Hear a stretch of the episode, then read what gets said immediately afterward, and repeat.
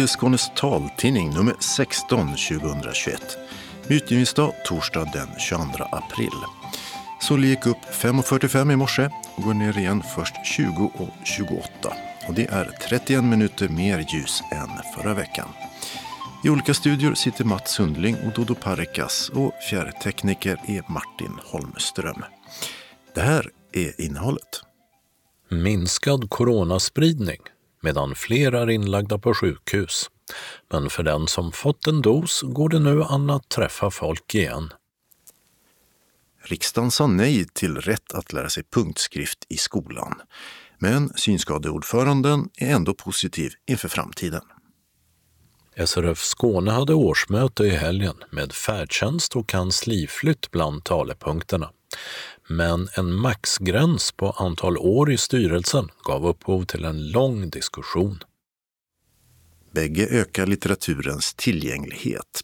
Men medan det finns över 30 000 talbokstitlar att välja mellan så är antalet i storstil bara några tusen.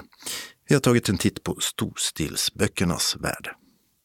Kan och bör man visa andra att man har en funktionsnedsättning, till exempel genom att använda en vit käpp?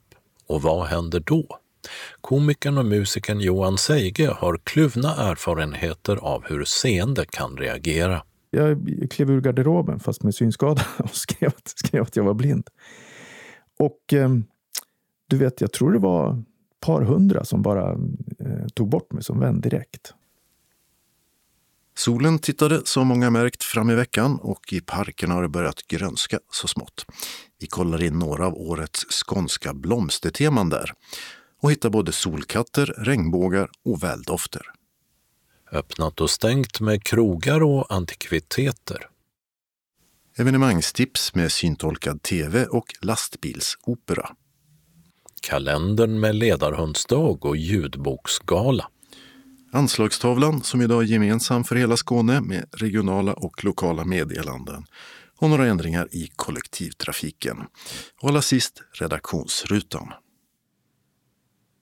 Vi börjar med coronaläget som såg ut så här i tisdags när vi gick in i studion. Ja, I Skåne är coronasmittspridningen kvar på en hög nivå, fast det minskat en aning den senaste veckan. Nu är det i snitt 560 nya fall om dagen som hittas och det är 17 mindre än en vecka tidigare. Och nu är väldigt få som smittas över 80 år. Ett tecken på att vaccineringarna börjat få effekt. Men istället har smittspridningen med nya mutationer ökat bland barn och unga. Den tidigare ökningen fortsätter märkas i vården, som fortfarande är hårt ansträngd och antalet inlagda på sjukhus har stigit från 156 till knappt 170 den senaste veckan. Det är å andra sidan flera hundra mindre än i början av året. Vaccineringarna har med större leveranser tagit fart den senaste tiden och sker nu också på helgerna. Nu har var femte skåning fått minst en dos och drygt hälften av alla som är över 65 år. Och en av tio är fullvaccinerade. Men målet att alla 65-plussare ska fått en dos i slutet av april ser ut att spricka, rapporterar regionen. Och efter att Astras vaccin konstaterats ha mycket sällsynta men allvarliga biverkningar finns det de som tackar nej till det när de kommer till vårdcentralen. Så många att regionen nu gått ut med att det uteblivna besöket kostar 300 kronor. Men de flesta tar det som erbjuds och man kan ju fortfarande inte välja. Astravaccinet ges idag bara till de som fyllt 65. Och de som är yngre och fått en spruta med Astravaccin kommer i sin andra dos få något av de två andra vaccinerna 12 till 15 veckor efter den första dosen. Folkhälsomyndigheten lättade i fredags på restriktionerna för de som blivit vaccinerade. Och tre veckor efter den första spruta går det nu an att träffa andra, även inomhus. Fast då ska man ändå fortsätta följa allmänna råd och restriktioner. Och Folkhälsomyndigheten tror i sin senaste prognos fortfarande på att alla som vill ska ha fått en dos vaccin till den 15 augusti. Rapporterade Mats Sundling. Det blev ett nej i riksdagen i förra veckan till flera motioner som förordade att rätten att lära sig punktskrift skulle skrivas in i skollagen. Motionerna avslogs i klump tillsammans med en rad andra skolrelaterade motioner med citat hänvisning till gällande bestämmelser, pågående arbete och aviserade och vidtagna åtgärder. Slutcitat. SRFs förbundsordförande Håkan Thomsson är besviken över utfallet, men ändå positiv i ett längre perspektiv. Ja, när det gäller punktskrifter så vill vi ju ändra på de gällande bestämmelserna och eh, några vidtagna åtgärder i det avseendet har ju inte skett så att det skulle väl möjligen vara pågående arbete då men så vitt vi känner till så finns det inget sådant förberedelsearbete i eh, utbildningsdepartementet. Däremot hade vi fått signaler om att eh, det fanns möjlighet att bifalla någon av de här motionerna för att starta ett sådant arbete men nu blev det ju inte så då så att det är klart att det känns tråkigt men samtidigt tror jag att vi kommer närmare och närmare den dag då faktiskt punktskriften, rätten till punktskrift kommer att skrivas in i skollagen. Vad är det som gör att du tror det nu? Nej, jag tycker att det är fler och fler som eh, lyssnar och är positiva när vi tar upp den här frågan och eh, jag tror att eh, det är ett eh, arbete som vi måste fortsätta men gör vi det på ett bra sätt så tror jag att vi till slut har övertygat tillräckligt många och vad som eh, var speciellt intressant den här gången det var ju att det kom motioner från både socialdemokrat, från eh, moderat och från eh, KD-håll. Och eh, då finns det ju liksom i alla läger så att säga personer som vill det här och det gör det ju lättare att få igenom det tror jag. Det menade SRFs förbundsordförande Håkan Thomsson. Reporter var Dodo Parikas. I lördags hade Synskadades riksförbund i Skåne sitt årsmöte där man som brukligt höll val och gick igenom det gångna året. Mötet antog också ett uttalande om att skärpa rätten till färdtjänst och om hur det går med rehabiliteringen, bland mycket annat. Men den längsta diskussionen blev det om ordföranden Maria Torstensson överhuvudtaget kunde väljas till ett elfte år på posten eller om SRF Skåne plötsligt skulle stå utan ordförande.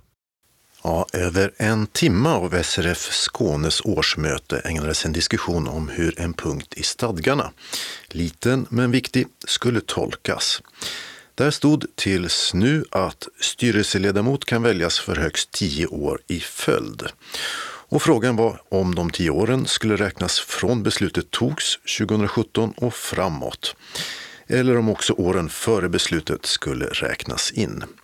Ordföranden Maria Torstensson har suttit i tio år och kandiderade till ett elfte som valberedningens förslag. Och det enda medan Mikael Haraldsson från Malmö menade att maxgränsen var uppnådd och att årsmötet inte kunde välja någon ordförande. Här ett kort utdrag ur den långa och ibland känslofyllda debatten. Ja, jag tycker det är väldigt tydligt att tyvärr då, och det är ingen kritik mot Marias ordförandeskap eller sånt där, det vill jag också betona, att, eh, att helt enkelt att Maria är inte valbar. Vi kan inte välja en ordförande nu så att eh, den posten får vara vakant fram till års, eh, höstmötet. Och att den personen då som väljs av styrelsen som vice ordförande får vara tillförordnande ordförande fram till höstmötet. Och då får man ta liksom val av ordförande då. Varsågod Christer. Tack, det var Christer H. Inför och under årsmötet 2017 diskuterades om man skulle ha en stadgeändring till att max 10 år fick man vara med i styrelsen. Och beslutet som kom fram var att vi beslutar att från och med 2017 får man bara sitta i 10 år och då börjar man räkna 2017. Det gick inte att göra retroaktivt som man diskuterade att göra den gången därför att man tyckte det var orättvist. Alltså, från och med 2017 och framåt kan man sitta i 10 år. Och det var det beslutet vi tog då och det är det beslutet som gäller idag. Alltså Maria kan väljas till ordförande idag. Och de flesta av de många talarna i ämnet, i likhet med Christer H Persson här sist, menade att beslutet 2017 gäller från då och framåt och att Maria Torstensson visst var valbar. Mötesordföranden Håkan Thomsson till vardags SRFs förbundsordförande, drev igenom att årsmötet skulle lösa frågan en gång för alla genom att rösta ja eller nej till ett tillägg till stadgarna om att maxgränsen gäller från 2017 och att tidigare uppdrag inte ska räknas in. Och den följande omröstningen gav en stor majoritet för ja. 40 röstade ja, 7 nej och 5 avstod. Det vill säga mer än de två tredjedelar som behövdes för att omedelbart ändra på stadgarna så att Maria Torstensson helt säkert nu var valbar till ordförandeposten. Och kort efter det blev hon vald, enhälligt som det lät. Kan vi gå till beslut då? Då är förslaget att välja Maria Torstensson och då frågar jag någon däremot. Och då hör jag ingen och då konstaterar jag att Maria Torstensson är vald till distriktsordförande i SRF Skåne för ytterligare ett år. Grattis Maria, det blir ju inga applåder på Teams här. Det skulle spräcka all bötesordning tror jag. Men eh, känn dem mentalt ändå. Ja, Maria Torstensson, nu efter årsmötet. Det blev en lång diskussion om hur stadgarna skulle tolkas. Ja, jag förstår att den kom upp eh, och det var nog bra så att stadgarna förtydligades för att det hade de ju inte gjort när vi fattade det här beslutet 2017 så att eh, jag tycker det bara var jättebra att vi fick den här frågan utredd. Hur kunde det bli en sån diskussion om den texten? Ursprungligen när det här skedde då, 2016 så var det en motion om den här principen. Då tyckte man inte att det skulle vara retroaktivt. I diskussionerna som fanns både före och efter så det var så det diskuterades hela tiden att det inte skulle vara retroaktivt. Det vi har missat helt enkelt det är att skriva in det i formuleringen i stadgan så det inte skulle finnas utrymme för missförstånd som nu då flera år efteråt. Det är jätteonödigt. Så att jag är glad att vi tog upp frågan och att den utreddes eh, och att medlemmarna har fått säga hur de uppfattade det hela. Och nu blev det då ett tillägg till den här meningen. Styrelseledamot kan väljas för högst tio år i följd. Och det gäller från 2017 då beslutet fattades och tidigare uppdrag räknas inte in. Nej. Är saken klar nu? Ja, det ska den vara. Och du är då ordförande för ett elfte år också mm. i följd. Ja. Eh, verksamhetsrevisorerna hade lite anmärkningar. De yrkade ansvarsfrihet eh, och det fick ni ju i styrelsen men de menade att beslutet som styrelsen tog om att flytta kansliet från Malmö till Hör, som det gjordes då i början av året, mm. inte hade berätts tillräckligt öppet och transparent. Det har det gjort. Vi har informerat om detta väldigt öppet och transparent. Det finns, har inte funnits en enda anledning till att hålla det hemligt. Till att börja med så var det en arbetsmiljöfråga eh, enbart en arbetsmiljöfråga på grund av att vi har varit utsatta för rån och för att vi har blivit bestulna på olika sätt och vis. Och de som jobbar hos oss ska kunna känna sig trygga och våga stå på gatan och vänta på sin färdtjänst och så vidare. Och det har man inte kunnat göra på vår adress. Därför så flyttade vi. Och det har vi aldrig varit hemliga med på något sätt. Det finns ingen anledning som sagt.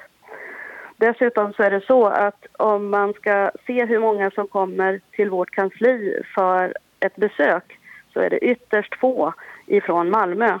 Utan det är, kommer det folk och hälsar på så är det väldigt ofta folk som kommer ifrån resten av Skåne. Och Hör ligger betydligt närmre för många i Skåne så därför blev det Hör. Och det här, det här har vi diskuterat tidigare.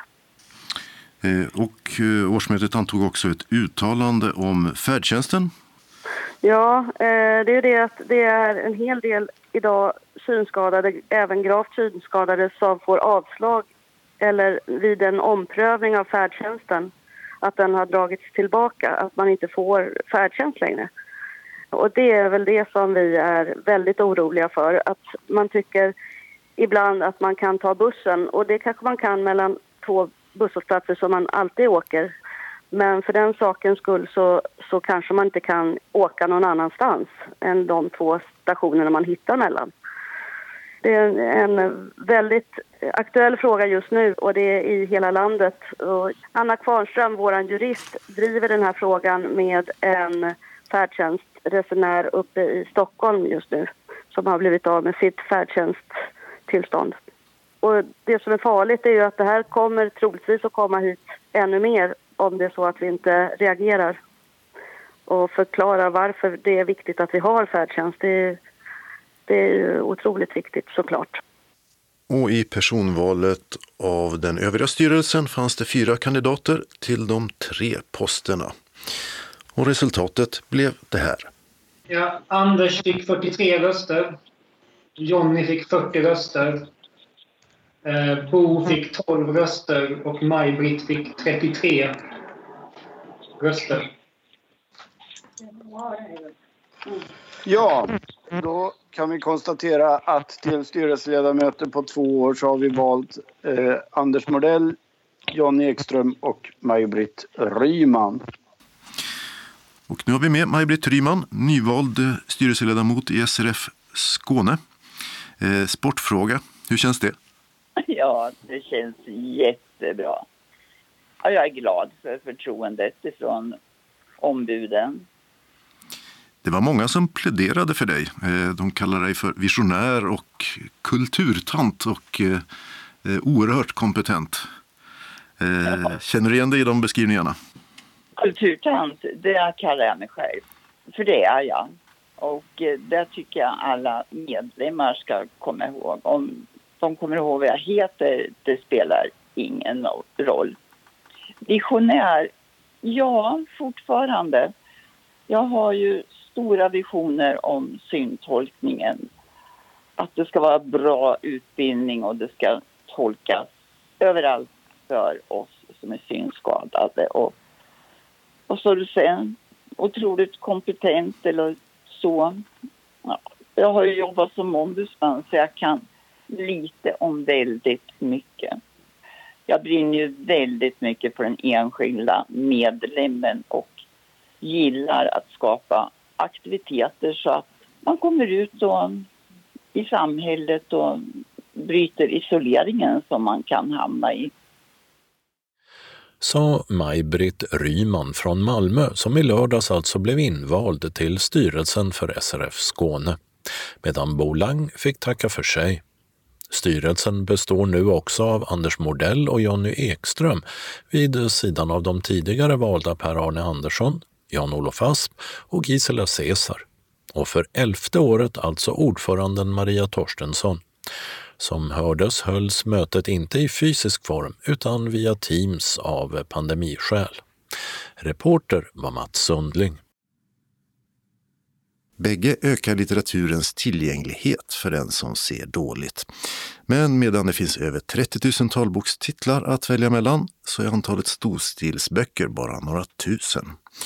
Talboksutgivningen är ett myndighetsansvar hos MTM. Utlåningen omgärdas av restriktioner av upphovsrättsliga skäl. Medan storstilsböckerna kan lånas av vem som helst och produceras av företaget BTJ på kommersiella grunder. Men i praktiken bara för bibliotek. Vi har tagit en titt på storstilsböckernas värld och börjar på BTJ i Lund. Där Mattias Persson, som ansvarar för storstilsproduktionen, tar emot medan redaktören Carolina Sevemark är med på Zoom. Ja, här är lite blandad kompott. Våra traditionella storstilsböcker.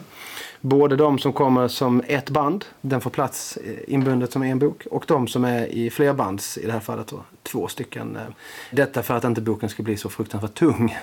Sen här eh, ute till sidan också så ser du fyra stycken storstilar som vi har testat under 2020 att ge ut för en yngre målgrupp det är många som oavsett ålder har problem med att läsa liten text. Och då testar vi också med originalomslag, eh, för det har vi inte annars, utan då gör vi våra egna omslag. Och eh, du Carolina är den som gör urvalet. Hur många storstilsböcker ger ni ut per år? Nu är det 72. Vi kör på lite nu med fler titlar än tidigare. För vi märker att det finns efterfrågan. Liksom.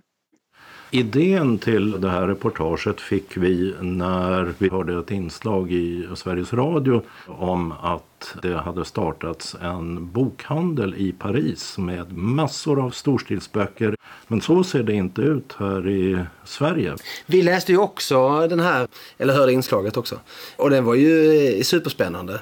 Och det, självklart så började vi också diskutera här i, i huset. Och är det någonting som skulle kunna göras? Men vi har diskuterat att eh, erbjuda storstilar till privatpersoner vid ganska många tillfällen. Det är en svår nöt att knäcka. Vi har en liten begränsning hur många vi kan trycka upp av varje storstil.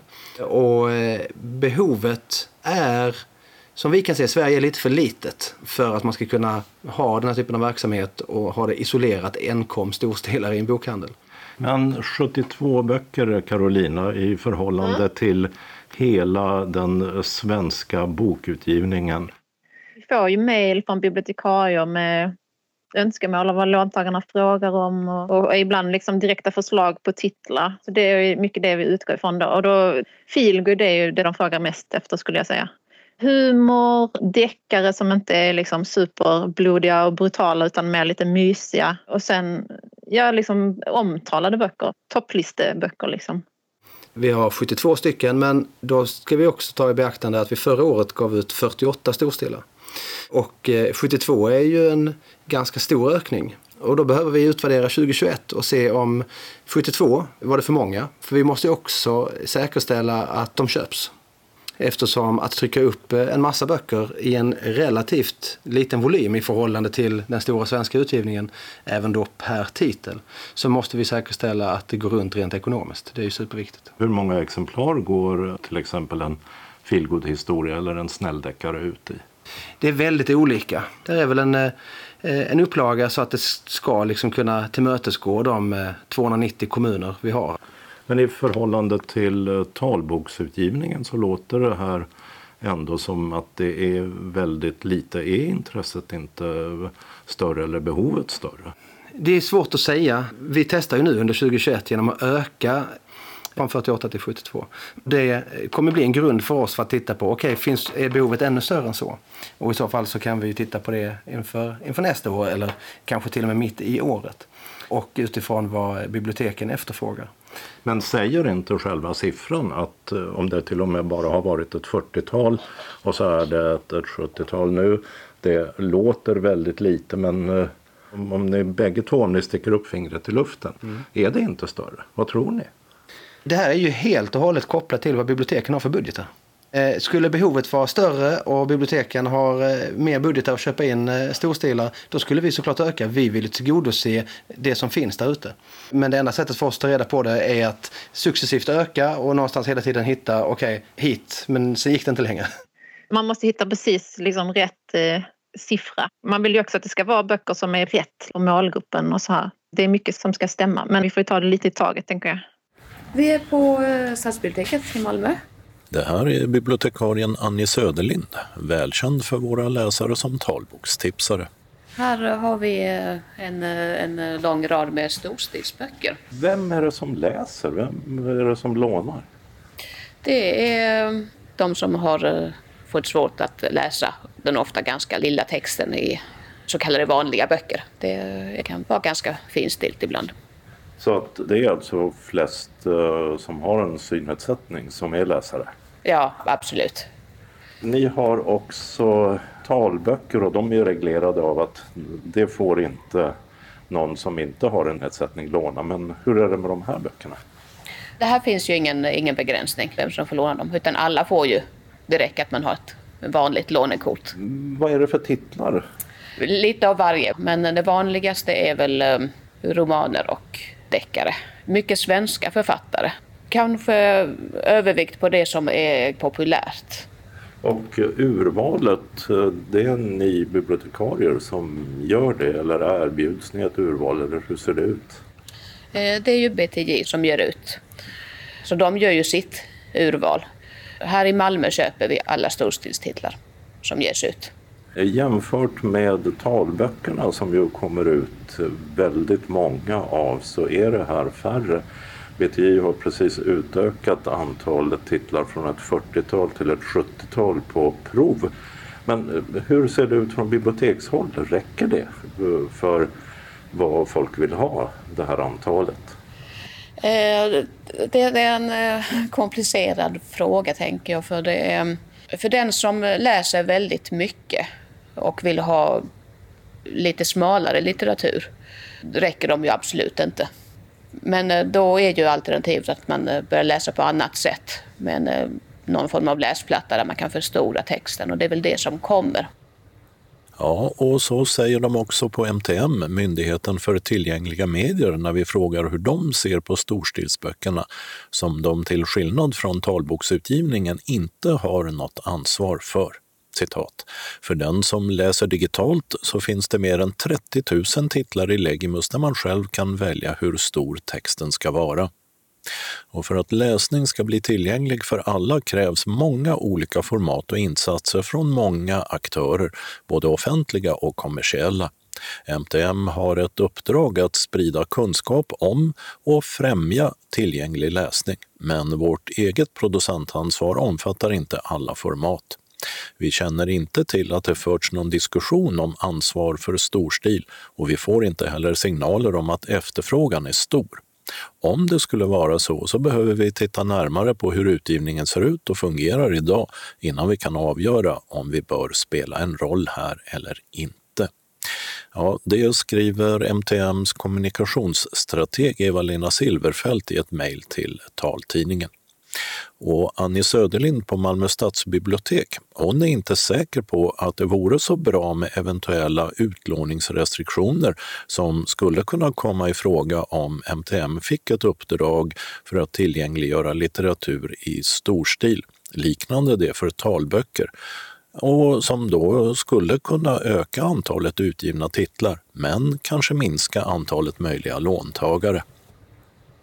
Jo, det hade väl i och för sig varit fint att det, att det fanns fler, men, men samtidigt är det ganska skönt att slippa den här restriktionen också, att det bara är för en viss grupp. För det är ju ofta kanske läsare som ligger till gränsen att ha en, en synnedsättning. Man ser lite sämre på äldre dagar, det är liksom inget mer med det. Har du kontakt med eh, låntagarna och diskuterar och får höra vad de tycker när det gäller storstilen? Jag jobbar ju med Boken kommer. Dels tycker jag att det har gått ner under de senaste åren. Jag har ingen eh, siffra men jag tycker inte det är lika många som efterfrågar storstilsböcker nu som förr. Och jag misstänker att en del helt enkelt läser digitalt. Eh, ska vi titta lite på vad som eh, finns om du ja. berättar? Det är ju, ska vi se.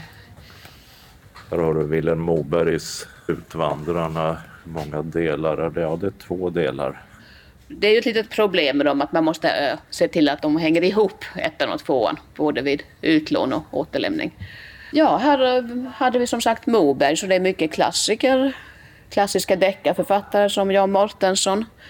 Vi har nya böcker, Elisabeth Nemert, som är väldigt populär. Det finns flera av hennes böcker i stor stil.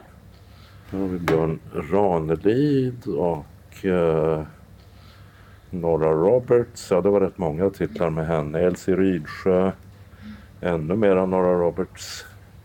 Lite mer sån här lite feel good böcker det, det, skulle jag kanske önska om jag fick önska något. För det, det, är ju väldigt stort.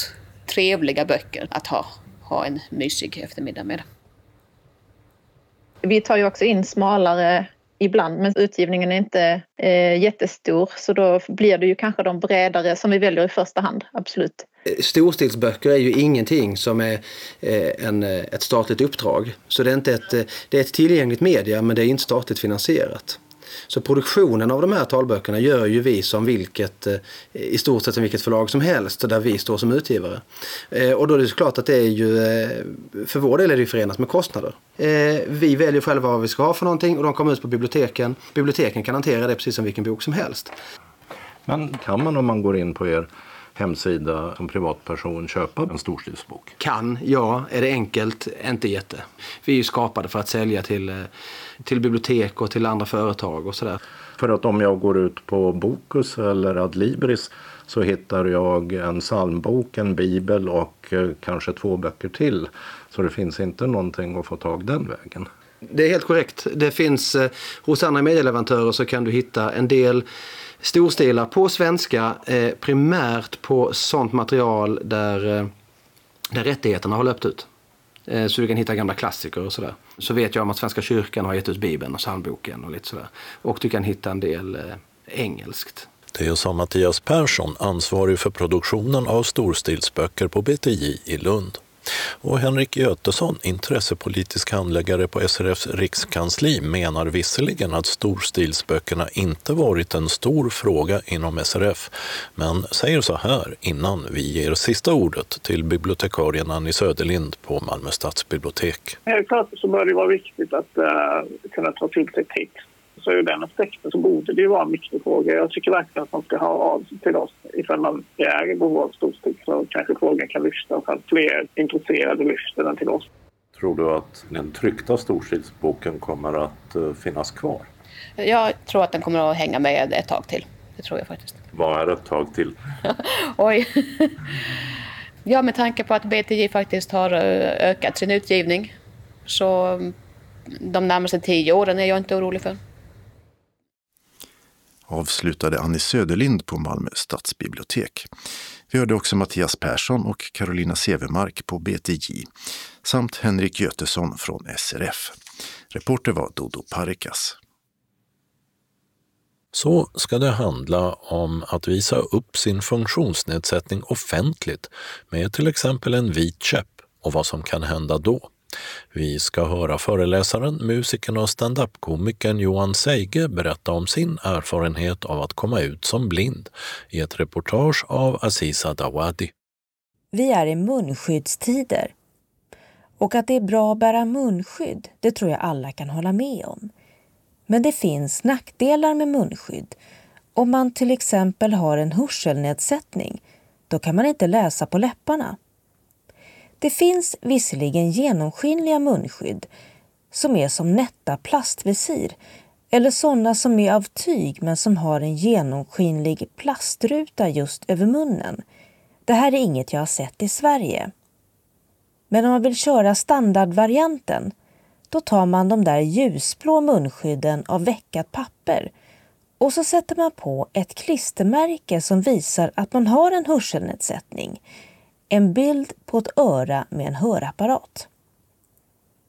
Men det finns en mycket större diskussion kring det här än bara just klistermärken. Ska man uppmärksamma omgivningen på ens funktionsnedsättning för att lättare få hjälp när man till exempel handlar?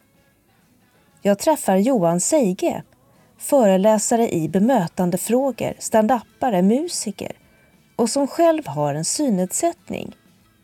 Det blir ett samtal om skyltar, synen på personer med funktionsnedsättning, hans egna erfarenheter och om ett experiment. Jag kan bli lite, lite beklämd ibland. Det, det är, ju, det är ju bara en tidsfråga eh, innan vi är tillbaks till att vi har ett band runt armen som talar om om vi är judar eller om vi har Eh, Eh, jag tror synskadade hade något sånt här gult band med svarta prickar på. Tre svarta prickar, prickar var det då, för blind på 20-talet och så vidare. Grejen är så här att jag, jag kan förstå om det finns såna här märken man kan ha på sig om man är epileptiker eller har eh, svår diabetes eller någonting, om man drabbas av ett anfall. Eh, för att hjälpa omgivningen att förstå liksom att, vad, vad är det som händer med den här människan som ligger på backen. Men är man döv och ute och handlar själv så har jag så oerhört svårt att förstå hur man inte ska kunna visa på annat sätt att man har en, en hörselnedsättning än att börja hänga på sig skyltar. Det, det är det. Jag, jag, förstår inte vinsten med det. Liksom. För, för det, det, måste ju ändå då inledas någon typ av kommunikation eh, när den här personen ser att på, på det här munskyddet så finns det, finns det en, en dövskylt så kommer det ju. Och, och, jag, och jag fattar inte varför man då inte som hörselskadad lika gärna kan ta den, den, liksom, eh, ta den bollen och börja liksom, kommunicera. Finns det någonting som skulle vara ett sätt att underlätta till exempel om man hör dåligt, att eh, ha ett munskydd som visar en symbol eller om man då ser dåligt. Hur ska man, finns det någonting som kan göra att eh, man kanske slipper då stå och berätta det hela tiden? Speciellt om det inte syns så bra att man då ser dåligt. Ja, fast det, det man gör då om man hänger på sin skylt är att man kommunicerar ut det hela tiden fast utan att säga det. Ja, men alltså, du, det, det, jag tror att det, det, är ju så. Du får ju konfronteras med det när du hamnar i en situation där du måste Eh, visa eller där du behöver någon slags ledsagning eller där du, där du har liksom ett behov. Eh, och har du inte det så förstår jag förstår inte varför man ska gå runt och skylta med att man har en funktionsnedsättning då. Det är upp till var och en, men, men jag, jag går ju inte runt och talar om för folk att jag är blind som inte behöver veta att jag är blind. Och det, det finns ju inget intresse för folk på stan bara av att jag går runt och hojtar att jag är blind som jag inte kommer att liksom konfronteras med överhuvudtaget. Du som har vit käpp, det är också en signal då och en, eh, en bild kan man säga till andra att du ser dåligt. Och den är ju både ett hjälpmedel men det är också en symbol kan man ju säga. Vad, vad, skulle skillnaden vara? För det finns ju till exempel reflexvästar där det står synskadad på som man kan ha om man till exempel åker skidor eller ja, gör någon annan aktivitet där det är viktigt att synas. Vad tänker du om, om, om det? Där är det ju väldigt bra och viktigt bara att överhuvudtaget visa att man syns och finns.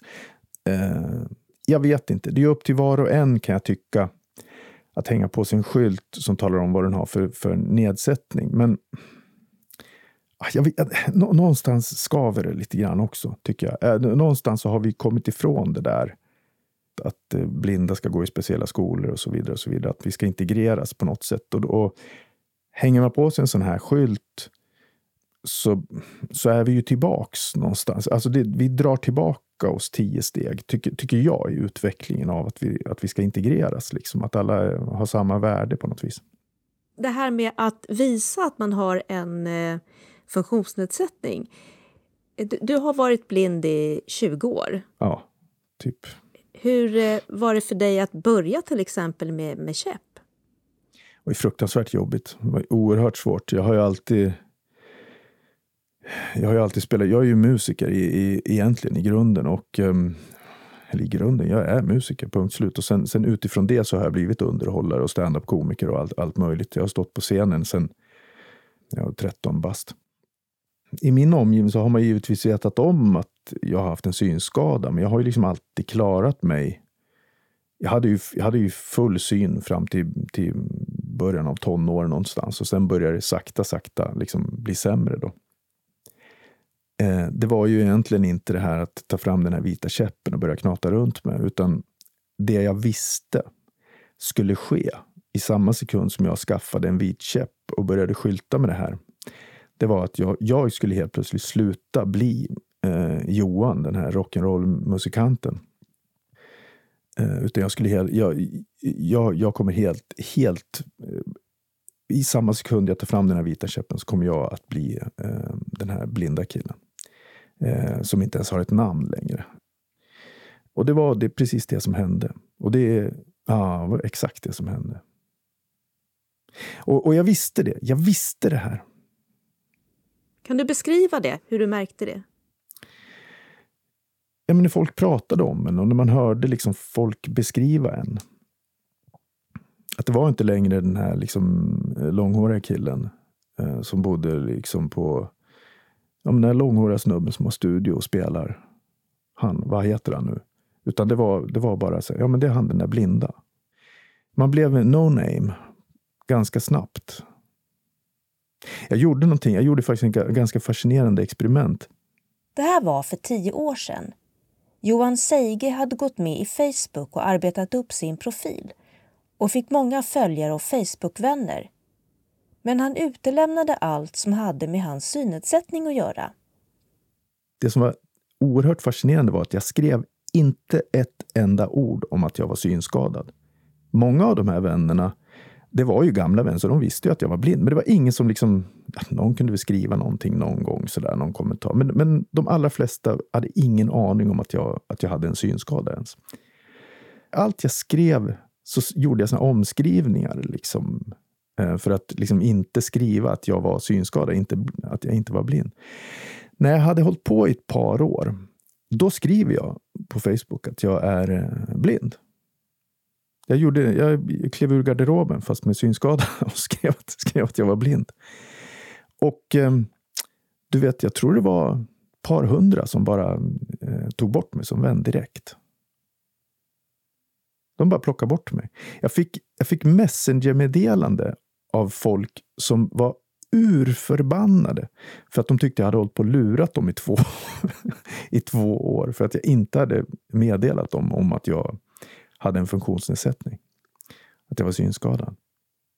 Men sen var det oerhört många som skickade liksom kärlek. Så det, det var inget, det var sådär. Och en del hade väl börjat lura lite på sådär. Men just de här människorna som kände sig lurade av mig på något vis. Som att jag skulle ha någon skyldighet att tala om för dem att eh, jag har en, en funktionsnedsättning. Det var väldigt fascinerande faktiskt. Ja, varför tror du att det var viktigt för dem att känna att, eh, att du skulle säga eller gå ut med då att du hade en synnedsättning? Jag tror att folk som reagerar så där, de blir... De, de, de, de skapar sig en bild av en person och sen är man inte inte den personen utan man är en annan. Eh, då, blir de, då känner de, de känner sig blåsta. De känner sig, det, det som, de, jag, jag skulle tippa på att det känns som att jag har varit otrogen på något vis. Att vi, jag har gift mig med dem ut, liksom med, med lögner på något vis. Sådär. Jag, jag har ju råkat ut för det här, eh, eh, för inte bara en gång utan flera gånger av, av människor som har blivit vän med mig som sen har börjat säga att jag har, att man, att man liksom som synskadad då skapar eh, ytterligare sinnen och kan läsa av massa saker. Jag försöker förklara för de här människorna att jag, jag gör inte det. Jag hör inte bättre än någon. Jag kan inte räkna ut vad du har för liksom, skor på dig bara genom att jag har blivit av med min syn. Jag, jag vet inte sånt. Jag kan inte det. Men de är så övertygade om att, att man har någon slags övre, någon, någon slags inre kraft eh, i och med att man blir av med det här sinnet. Eh, att man är någon slags übermänniska. Och när de sen får reda på och märker att jag faktiskt bara är en helt vanlig eh, snubbe som ibland har jävla märkliga åsikter. Jag, jag är precis som vem som helst. Då, det är precis samma, samma reaktion. Jag har blivit av med vänner på sånt sätt. Alltså de, de har blockat mig på Facebook. Och jag vet verkligen, på, på riktigt, vet jag inte varför. Men du tror att det är så här att du eh, ja, då inte är så speciell längre? Ja, men alltså ibland kan det vara lite fränt att hänga med en snubbe som är blind och som har lite, lite roliga idéer om saker och ting. Och sen när de märker att den här snubben är ju faktiskt som vilken snubbe som helst, fast han är ju, det, det enda är att han har ett sinne så han måste hänga på min, på min jäkla axel jämt när vi är ute och knatar. Då blir det inte lika roligt. Jag är inte den här, Clint Eastwood hade någon i, i filmerna på 70-talet, då hade han en apa med sig liksom överallt. Och det var ju en frän liten, liten sak han hade med sig, en liten, liten maskot sådär. Va? Eh, och när man märker liksom att den här, den här apan, då, eller den här eh, blinda snubben, faktiskt är en individ som inte bara är, är liksom någonting man, man tar med sig för att visa hur jäkla... Nu låter jag riktigt bitter, märker jag, men, men eh, för, för att visa hur hur öppen man är i sinnet. Titta här, jag, jag, kan umgås till och med med personer med funktionsnedsättning. Utan jag är verkligen en person som är blind, men, men helt vanlig i övrigt. Jag kan inte räkna ut saker och ting. Jag kan inte se in i framtiden om grejer. Och jag ser inte bättre. Det, det är en kommentar får, man får väldigt ofta. Det är inte jag ensam om eh, som synskadad. Men den här, du ser, du ser ingenting, men du ser ändå bättre än alla oss andra. Och du vet, om jag fick, om jag fick en spänn för alla de kommentarer, jag skulle, då skulle jag inte behöva jobb. Då skulle jag kunna slänga upp ett långfinger och bara liksom sluta jobba. jag ser inte mer än någon annan. Jag ser till och med mindre än någon annan. jag är blind. Jag ser inte ett jävla skit.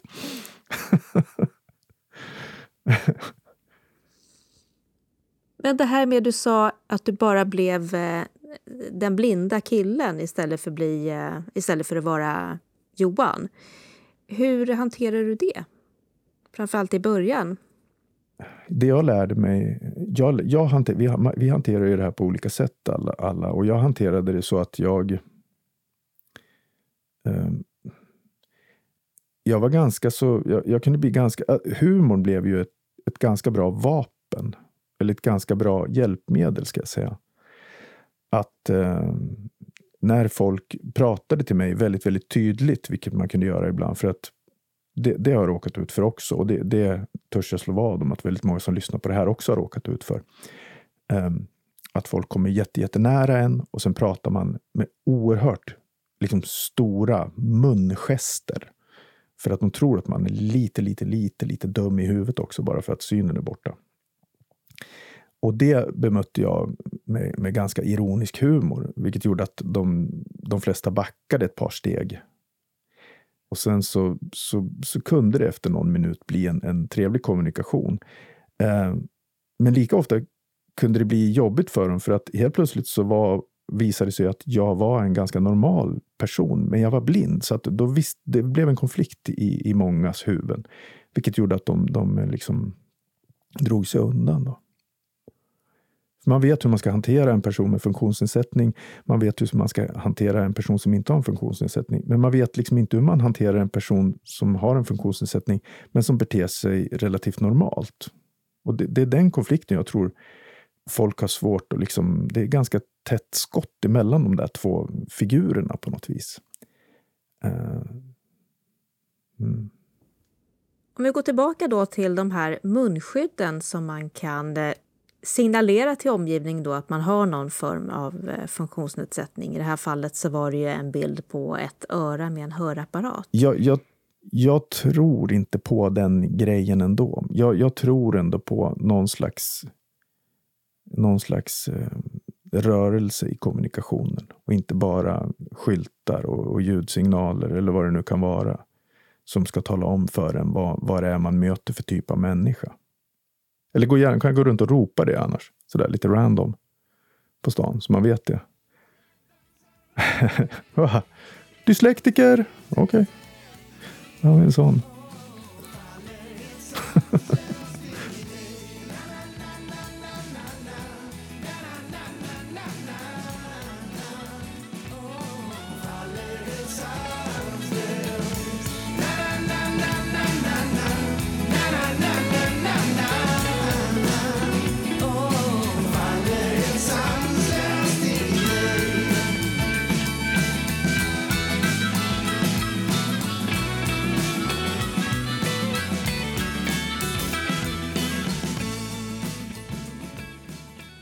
Vi hörde Johan Seige och sist låten Faller helt sanslöst av de Lyttas kapell som han spelar i. Reporter var Aziza Dawadi på taltidningen Läns och riksnytt. Det doftar sött, parfymerat och kanske citron av blommor som slår ut i städernas parker och i naturen. Våren gör framsteg och med det blir årets blomsterteman i Lund och Malmö synliga för ögat. Även om planeringen för vad som ska spira pågått länge. Vi tar oss till Stadsparken i Lund där det pågår trädgårdsarbete i solen. Men resten av en kylig vårvinter gör sig fortfarande påmind. Är det gammal snö som ligger kvar här? Ja, de har ju den här eh, längdskidsbanan de gör varje vinter. Så snö och vårblommor. Ja, och då tar man ju hit snömaskinen och sen så gör man en skidbana eller ett skidspår till barn. Idag är det skönt väder. Det är skönt. Härligt. eftermiddag. Nu vänder det. Nu. nu. De säger ju att det ska bli lite varmare. Det var så kallt på morgonsidan. Men... Jag heter Karin Sjölin och är landskapsarkitekt på Lunds kommun. Och det är jag som är ansvarig för designen av blomsterprogrammet. Och det innefattar ungefär 200 urnor och 10 rabatter som planteras med först vårblommor och sen till sommaren med sommarblommor och sen höst och vinterblommor under vintern. Och det här att man har ett tema för blomsterprogrammet, varför har man det egentligen? Det är ett sätt att arbeta för att göra det enklare i processen men sen handlar det också om att man vill variera år från år för att form och färg är så individuellt och vissa tycker om rött, andra tycker om blått och en tredje gillar gult och då är det fint att variera år från år och det är fint att ha ett sammanhängande tema under året så att man känner igen sig. I år är det till exempel solkatt och då kommer man att känna igen de gula, orangea färgerna med inslag av eh, purpur och vinrött.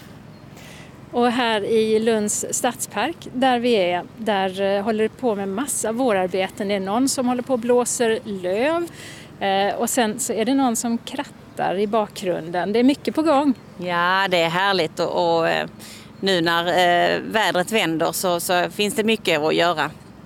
Och så står vi framför en rabatt där det har börjat lysa lite grann av brandgult, vitt och eh, gult. Det är en rund rabatt eh, och det går med en ytterkant av brandgult och vitt. Det är panser och vad är de vita? De vita är en förädlad tusensköna, dubbel tusensköna. Jättefin. Bellis. Och sen så inåt så är det tulpaner som inte har slagit ut än och där ser det ut att vara lite påskliljor eller pingstliljor och sen är det kejsarkrona va? Ja det stämmer. Det är en blandning av kejsarkrona, narcisser och olika sorters tulpaner i, i brandgult och, och gult och lite vitt. Om man ska se solkatt i den här rabatten, är det färgerna då? Ja, det är lite färgerna och sen eh, har jag jobbat med ett mönster som är som en sol. Det ser man när det slår ut sen med solstrålar. Överlag har jag tänkt på eh, kontrasten mellan det mörka och det ljusa. Så vissa svartvinröda blommor kommer jag också ha i blomsterprogrammet i år. Och det kommer vara mycket blommor med, med ögon, en mörk mitt och med morrhår. Mycket prydnadsgräs under sommaren sen för att associera till katten. Och det här uh, mörka, vad är det med, med prickar i mitten? Det kan till exempel vara rudbeckior eller solrosor. Där kommer en ekorre. Jag tittar. Härligt. Men det här med solkatt, hur kom ni på det? Förra året så hade vi ett tema som hette Moonlight Serenade och det var pastellfärger. Det var blått och lila med inslag av ljust månskensgult och vitt. Och då så önskade många Lundabor en kontrast till det med oh, vi, måste ha, vi vill ha mer färg i år. Och då tänkte jag, alltså orange och gult var det länge sedan vi använde.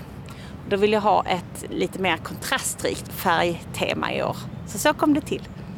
Kattens ögon kan vara väldigt speciella och väldigt intensiva. Ja, de kan ju vara både gröna, gula och orangea.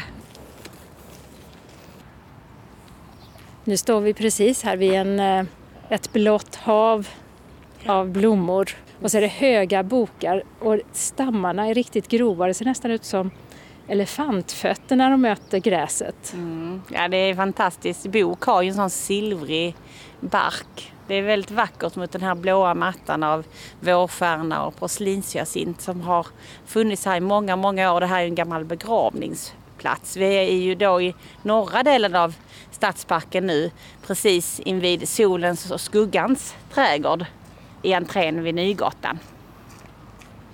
Och det tar många år för att bli så här blått hav av blommor. Ja, många, många år tar det.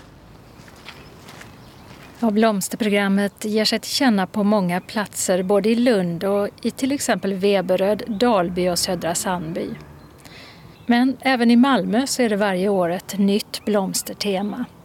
I år har man inspirerats av World Pride som är i Malmö och temat är Love och innehåller regnbågens alla färger. Röd, orange, gul, grön, blå, indigo och violett.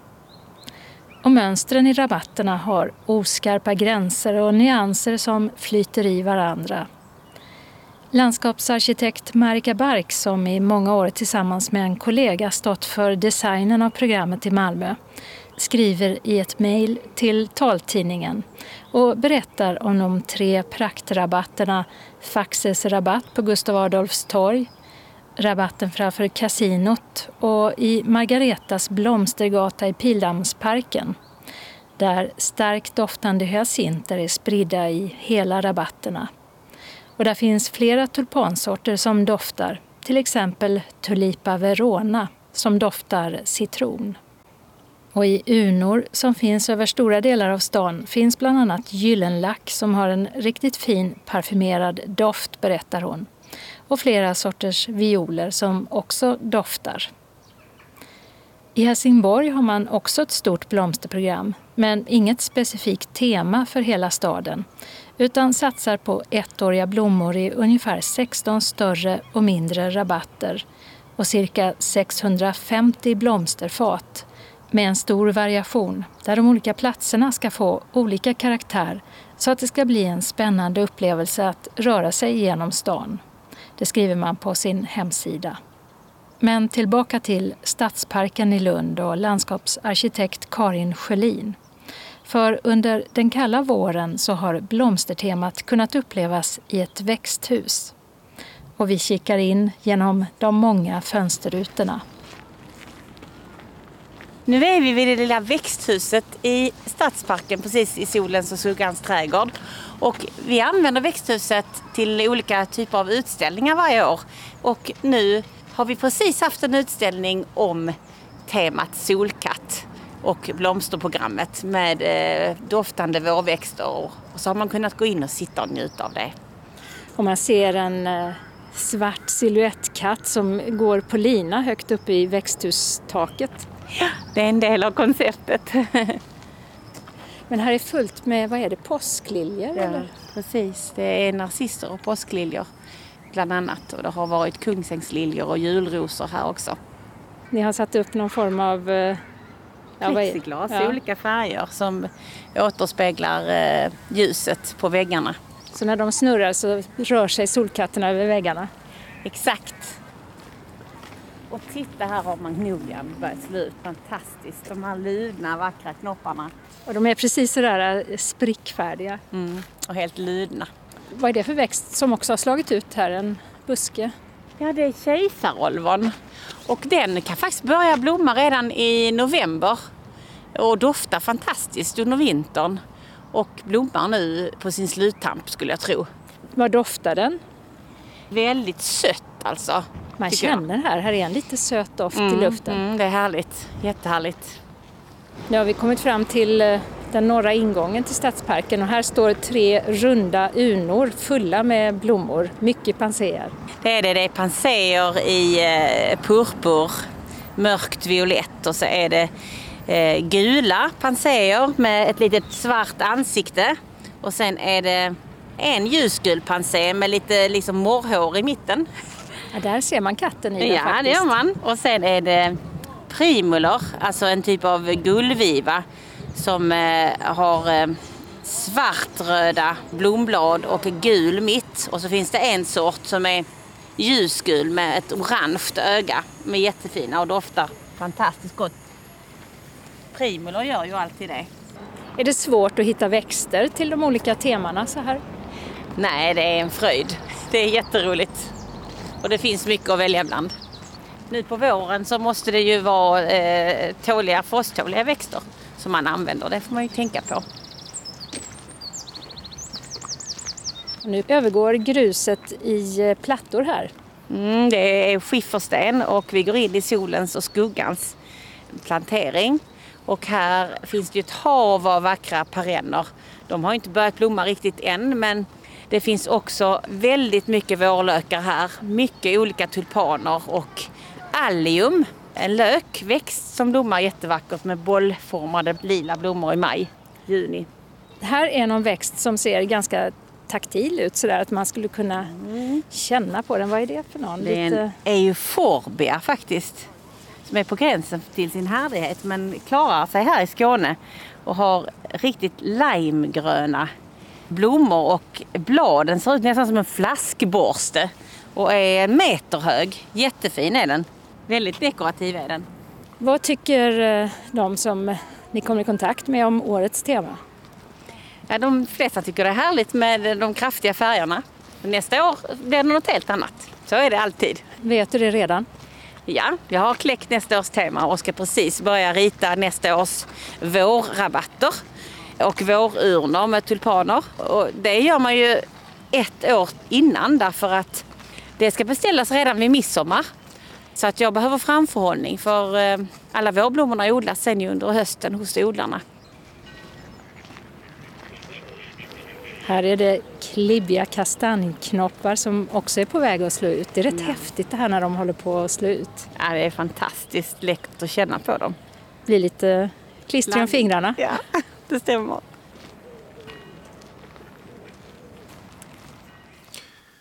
Och vill man uppleva blomsterprogrammet på några andra platser i Lund tipsar Karin Sjölin om en stor rabatt nära Klosterkyrkan, där i sommar kommer att växa mycket dahlior. Fontänen vid Universitetsplatsen eller fontänen vid Bangatan till exempel. Reporter var Åsa Kjellman Erisi. Öppnat och stängt. I det expanderande Bara invigdes i förra veckan den nya vårdcentralen Bokskogen med bland annat BVC, diabetes, astma, KOL och äldremottagning. Vårdcentralen tillhör Region Skåne och har telefon 040 623 94 60 och adressen Torggatan 19. Den skånska sydostasiatiska restaurangkedjan Linnea och Basilica har öppnat på nya orter.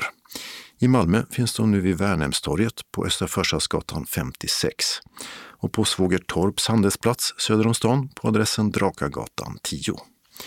Och på torsdag den här veckan öppnar Linnea och Basilika på Härlövs handelsområde i Kristianstad. Gatuadressen har de inte avslöjat än, men den ska ligga mellan Coop och Nordic Wellness. Thailändskt och vietnamesiskt är specialiteterna. Immens gamla stationshus har tidigare hyst ett vandrarhem. Men efter en standardhöjande renovering har det förvandlats till Immen Guesthouse med vintagebutik. Vilket betyder att det finns retromöbler till salu. Adressen är Gamla Byvägen 1. I Tomelilla har en ny restaurang, Rejans favoriter, öppnat på Torget 6. Det är en grillrestaurang med rätter från Balkan på menyn, men också smörrebröd till exempel. Evenemangstips. Och som vi sedan länge har vant oss till så är det även denna gång så med evenemangstipsen att saker och ting kan ändras med kortare eller längre varsel. UR har syntolkat ett par nya serier för barn. Dels Mattemacken med sex kvartslånga avsnitt för barn upp till årskurs 3. Börjar 25 april 14.10 i SVTB, före detta Barnkanalen.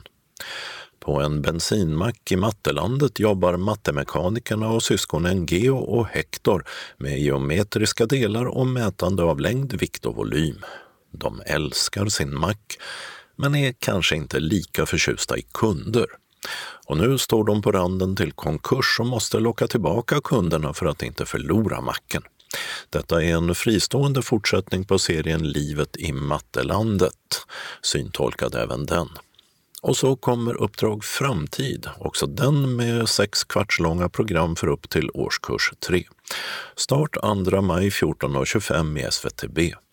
I Uppdrag Framtid medverkar unga miljöhjältar från hela Sverige som engagerar sig för en hållbar värld att leva i. Varje avsnitt är kopplat till några av FNs 17 globala mål för hållbar utveckling samt till kursplaner för flera skolämnen. Hela serierna för både Mattemacken och Uppdrag Framtid läggs ut på UR Play med syntolkning samma datum som första avsnittet sänds. Dessutom repriseras UR-serierna Samisk historia med Ailo som drar igång 25 april 14.20 i SVTB.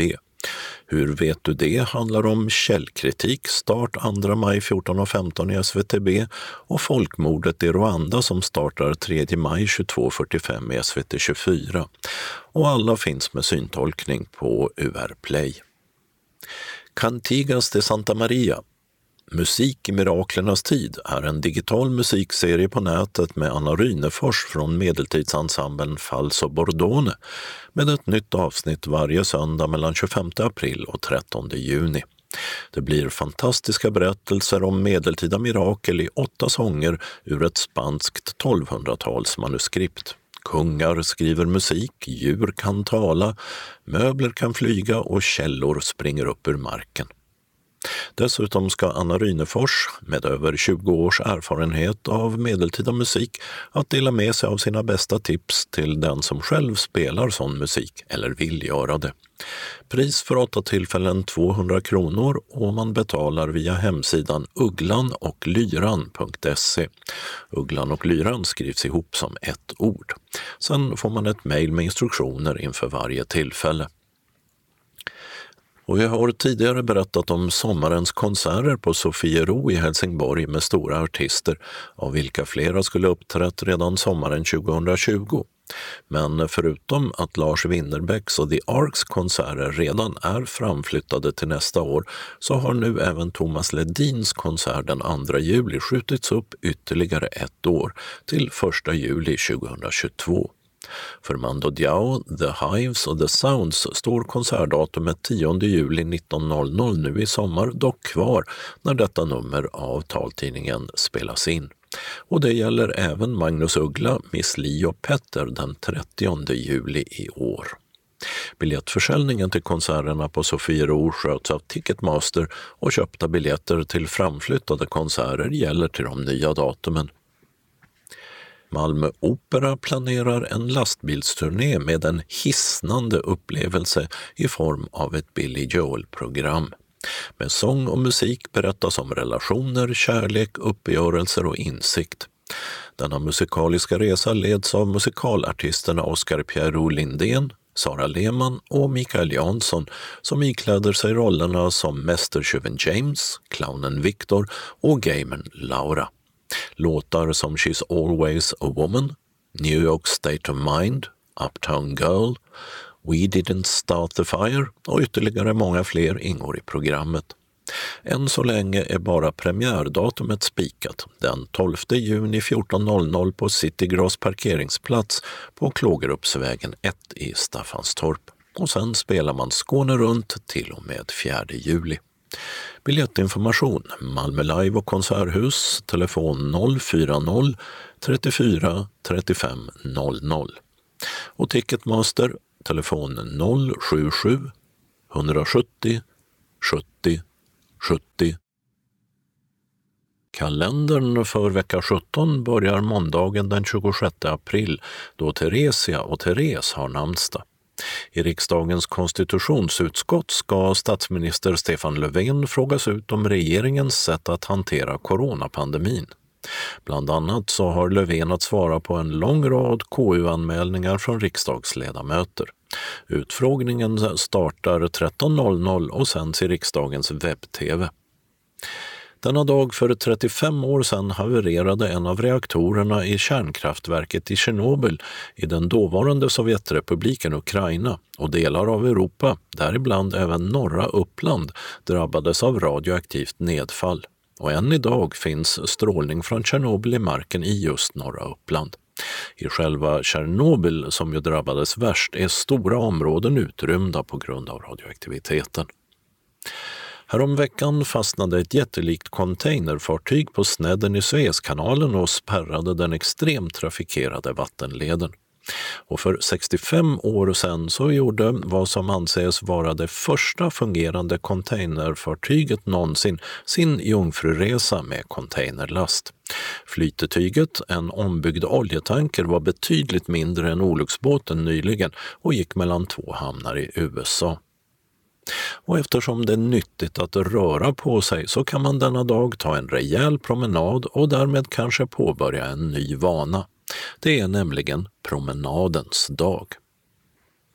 Tisdagen den 27 april är Engelbrekts namnsdag. I Afghanistan, där amerikanska trupper senast den 11 september ska lämna landet efter två decennier, är det en nationaldag.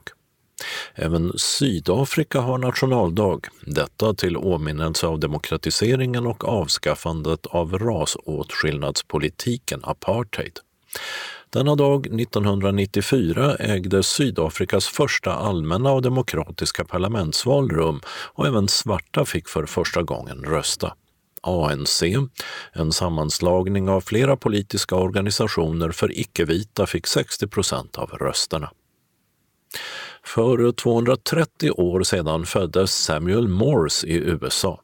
Morse försörjde sig länge som konstnär men det var uppfinnandet av den elektromagnetiska skrivtelegrafen samt det signalalfabet han också skapade som gör att hans namn fortfarande är känt. Och alfabetet vi pratar om är ju förstås det som kom att kallas morsealfabetet. Onsdagen den 28 april säger vi voff och bra jobbat, för det är ledarhundens dag som alltid infaller sista onsdagen i april. 80 år fyller artisten Anna-Gret Olsson. Hon föddes i Stockholm, bodde ett par år i jämtländska Valsjöbyn och efter flytt till USA blev hon som Anne Margaret känd skådespelare och sångerska. Efter en rad lättsammare filmer gjorde hon även en del tyngre roller och Oscars nominerades två gånger, dock utan att ta hem priset någon av gångerna. Och det är Ture samt Tyra som firar namnsdag. Torsdagen den 29 april är det dags för årets ljudboksgala som är digital. Bland de nominerade till Stora ljudbokspriset i romanklassen finns Sen for jag hem av Karin Smirnoff. Den är inläst, eller som det heter i ljudboksvärlden uppläst, av Lo Kauppi. Och bland faktaböckerna hittar vi Min berättelse av den samiska artisten Jon Henrik Fjällgren, uppläst av Viktor Åkerblom. Arrangör är förlaget Storytel, men från början delades priset ut av Irisgruppen. Namnsdag, det har Tyko. Det är dock ingen så kallad Tycho Brahe-dag, alltså en otursdag enligt den store 1500-talsastronomen som var verksam på ön Ven. Fredagen den 30 april är det kunglig födelsedag. 75 år fyller den hittills längst regerande monarken i Sveriges historia, Karl den 16 Gustav. Något officiellt firande har inte utlysts när detta nummer av taltidningen görs. Dessutom är det ju valborgsmässoafton. I valborgsfirandets högborgar, studentstäderna Lund och Uppsala, är festligheterna inställda, vilket innebär att det inte heller i år får festas i Lunds stadspark. Nu finns också en pandemilag som förbjuder folksamlingar, men för ett år sedan spreds ett ton hönsgödsel ut i stadsparken för att hålla festsugna borta. I vanliga fall kan eh, kring 30 000 valborgsfestande vara på plats där. Och det här är även den internationella jazzdagen som faktiskt är en officiell FN-dag. Marianus, han åkte ur namnsdagslängden 1859 men Mariana firas fortfarande på valborgsmässoafton. Lördagen den 1 maj har år 2021 varat i 121 dagar. Valborg har namnsdag och det är röd dag i almanackan eftersom det är första maj, arbetarrörelsens internationella dag. 1890 ägde den första svenska demonstrationen detta datum rum. Kravet var åtta timmars arbetsdag. Helgdag i Sverige blev första maj 1939. Budapest är som bekant Ungerns huvudstad medan Budapestbakelsen är en svensk uppfinning och ingenting har de med varann att göra. Eller kanske ändå, för kakans skapare, konditorn Ingvar Stridlar, har varit väldigt förtjust i Budapest. Den gräddstinna bakelsen innehåller bland annat hasselnötter, choklad och mandarinbitar och en lämplig dag för förtäring av denna är just första maj, Budapestbakelsens dag. Söndagen den 2 maj avslutas veckan medan Filip och Filippa har namnsdag. Den regionala delen av anslagstavlan börjar med en inbjudan från SRF Skåne till alla medlemmar i lokalföreningarna till en utbildning i föreningskunskap. Har du någon gång känt att du skulle vilja engagera dig mer i din lokalförening men känner dig osäker på hur det fungerar? Då tycker vi att du ska gå denna utbildning. Hur är en förening uppbyggd? Vad innebär det att sitta i en styrelse? Vilka olika poster finns och vad gör de? Och vad är stadgar och vad ska de innehålla? Utbildningen leds av Kerstin Nilsson och Kim Gran från ABF Skåne. Och det finns självklart också möjlighet att ställa frågor och diskutera. Utbildningen sker söndag den 9 maj mellan klockan 10 och 15 med lunch mellan klockan 12 och 13. På grund av pandemin genomförs den digitalt via Microsoft Teams en app som du kan ladda ner i din dator eller smartphone. Det går även bra att ringa in till mötet via en vanlig telefon. Instruktioner kommer i samband med bekräftelsen efter anmälan. Och den skickar du till SRF Skånes kansli, telefon 040-777 75, e-post srfskane srfskane.se senast den 23 april. Vi behöver ditt namn, din e-postadress och ditt telefonnummer i anmälan. Har du några frågor kan du kontakta Per-Arne Andersson på telefon 070 55 35 65 eller via e-post till per.arne.andersson srf.nu. Välkomna hälsar SRF Skånes styrelse. Den lokala delen av anslagstavlan börjar med att SRF Lundabygden bjuder in till kafferep i det gröna. Måndag den 26 april på Klostergården med 100% absolut kanslibakade kakor. Vi samlas i föreningslokalen och går sedan gemensamt ut i vårsolen och grönskan på gården utanför. Där slår vi oss ner på lämpligt pandemiavstånd. Vi samlas klockan 13.30 i föreningslokalen på Tordensvägen 4i i Lund och beräknas vara klara cirka 15.30. Din avgift blir 20 kronor. Anmälan behöver vi ha senast den 23 april till vårt kansli på telefon 046 211 0674. Hjärtligt välkommen till denna SRF-träff. SRF Lundabygden bjuder också in till ännu en pandemianpassad studiecirkel via telefon. Vardagstips heter den, där du får bra och användbara tips i din vardag av vår cirkelledare Simon Tienso. Men där det även finns möjlighet för trevliga diskussioner och där cirkeldeltagarna får möjlighet att ge tips och utbyta erfarenheter.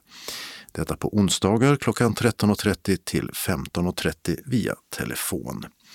Anmäl dig till vårt kansli och vid anmälan får du info om telefonnummer och deltagarkod.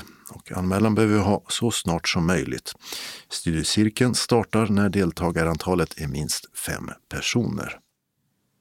SRF Malmö Svedala hälsar välkommen till föreningen på Tjejträff torsdag den 6 maj. Tina från Seniorshoppen är tillbaka för att visa och berättar om våren och sommarens mode. Du kan handla kläderna kontant med kort eller med inbetalningskort och du kan prova kläderna i lugn och ro. På grund av corona kommer vi att dela upp träffen på tre och grupper med max sex deltagare. Det är viktigt att vi håller avstånd. Grupp 1 träffas klockan 10 till 12.30 med lättare förtäring för 30 kronor. Grupp 2 13.30 till 16 med förtäring för 50 kronor. Och grupp 3 träffas klockan 17 med förtäring för 50 kronor. Drycker är till självkostnadspris. Mat och dryck betalas kontant på plats eller med swish till nummer 123 077 80 50. Välkommen att anmäla dig på telefon 040 25 05 40 eller via e-post till info srfmalmo.se senast torsdag den 29 april klockan 12. Glöm inte att berätta om du har allergier och eller särskild kost. Hjärtligt välkomna hälsar styrelsen. Vi avslutar med några tillfälliga ändringar i busstrafiken. I Lund fortsätter man bygga om Fjäljevägen och i måndag stängdes två hållplatser i riktning in mot Lund C. Vildanden B, där resan är med regionbussarna 126 och 137, hänvisas till en tillfällig stolpe på Öresundsvägen som går parallellt, cirka 650 meter i nordöstlig riktning. Samma bussar plus fyran stadsbuss stannar inte heller på Måsens vårdcentral, läge B, utan vid en annan tillfällig stolpe på den korsande Bryggaregatan, cirka 800 meter österut. Så ska det vara till den 21 maj klockan 16. I Ystad har ett arbete på gamla Lundavägen blivit klart tidigare än planerat och regionbuss 307 alla ordinarie hållplatser är öppna igen. I Simrishamn har de börjat ett VA-arbete som stängt Mossvägen för linje 591. Hållplatserna Mossgatan A och Fredsgatan läge A är stängda och ersätts av Korsavadsvägen läge B på den parallella Kristianstadvägen ett par hundra meter österut. Ända till den 21 september ska det vara så där. I Landskrona har man börjat ett annat V-arbete som stängt delar av Östergatan och Rådmansgatan. Stadsbussarna 1, 2 och 5 hållplats Teatern i bägge riktningar har stängt och ersätts av en tillfällig hållplats på Österleden 2 till 300 meter söderut. Den 31 augusti klockan 18 ska det arbetet vara klart. Och i Malmö har de börjat lägga rör i Föreningsgatan, vilket stängt hållplatsen Värnhem D. Resande med stadsbussarna 6 och 34 hänvisas till hållplatsen Celsiusgatan A. 250 meter åt sydväst på Föreningsgatan. 34 stannar också på Älvstorp B på Sallerupsvägen, cirka 400 meter åt sydost. Och den 28 maj ska allt vara som vanligt där igen. Och med det beskedet var det dags att sätta P för veckans Skånes taltidning. Nästa nummer nästa torsdag den 29 april. Skånes taltidning ges ut av Region Skånes psykiatri och habiliteringsförvaltning. Ansvarig utgivare är Martin Holmström. Postadress Jörgen Ankersgatan 12, 211 45 Malmö.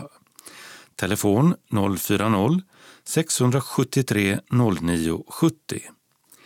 E-post Skanes taltidning snabela skane.se och hemsida skanestaltidning.se. Vi hörs igen. Hej då!